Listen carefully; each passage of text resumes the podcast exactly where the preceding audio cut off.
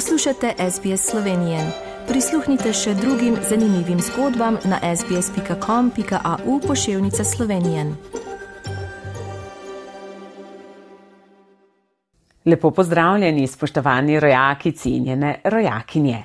Teden, ki je za nami, je bil poln različnih dogodkov in novic, ki se v večini nanašajo na skrb državljanov, kako bodo ob nenehnih podražitvah dočakali zimo in se pripravili na kurilno sezono.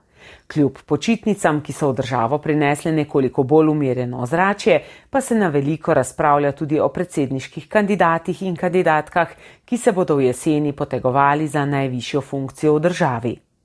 Slovenci pa se te dni ogrevamo tudi za našega trenutno najboljšega kolesarja, ki na turu po Franciji trenutno drži drugo mesto. Pa pojdimo k podrobnostim.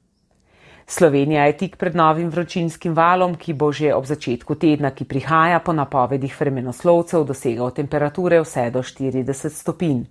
Zaradi tega je po državi, sploh na krasu in primorju, že motena oskrba s pitno vodo, ljudem se priporoča varčna raba pitne vode, prepovedano pa je zalivanje vrtov in pranje avtomobilov. Včeraj je na krasu nad Novo Gorico tudi zagorelo, obsežen požar gasi 120 gasilcev.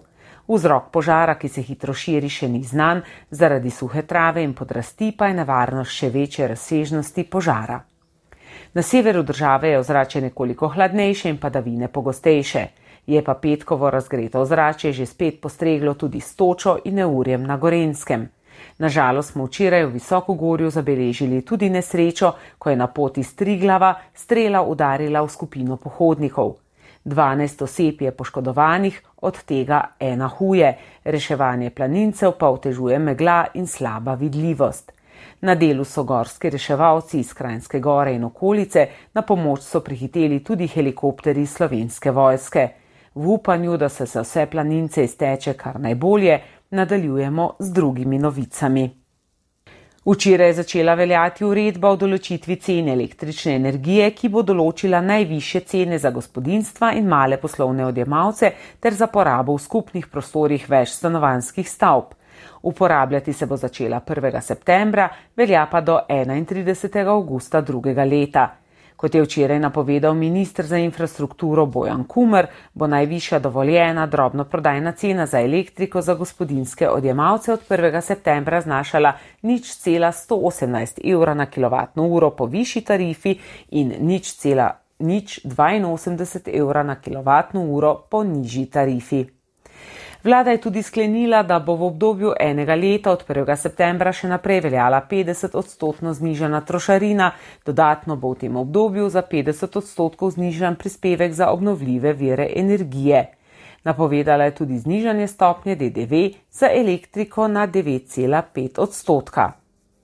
Ob tem je predsednik vlade Robert Golob še povedal, da se bo v roku treh let saj tretjina slovenskih gospodinstev z električno energijo lahko skrbovala z velikimi solarnimi sistemi, ki jih bo začela graditi največja slovenska družba, ki se ukvarja z električno energijo.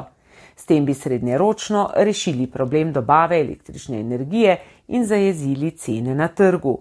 Nas pa skrbi tudi dobava plina, saj Rusija napoveduje popolno prekinitev izvoza ruskega plina. Medtem ko je na prvem uradnem obisku pri predsedniku države Borutu Pahorju nova mađarska predsednica Katlin Novak, pa se v ozadju že na veliko pripravljajo kandidati za njegovega naslednika. Zaenkrat je znanih pet, najbolje pa po raziskavah javnega mnenja kaže Nataši Pirc Musar, Anžel Logar je na drugem mestu, Marta Kos pa na tretjem. Kakšen bo dejanski izplen na volitvah, bo seveda odločilo ljudstvo, ki pričakuje še kakšno novo ime v bitki za najvišji položaj v državi. Slovenija je pričela po sedmih letih odstranjevati žičnato ograjo na južni meji, čeprav se je število migracij prav v zadnjem letu ponovno povečalo. V Sloveniji pa se v zadnjih dneh tudi precej dviga število okuženih z novim koronavirusom. Kljub temu posebnih ukrepov vlada in nova posvetovalna skupina nista objavili.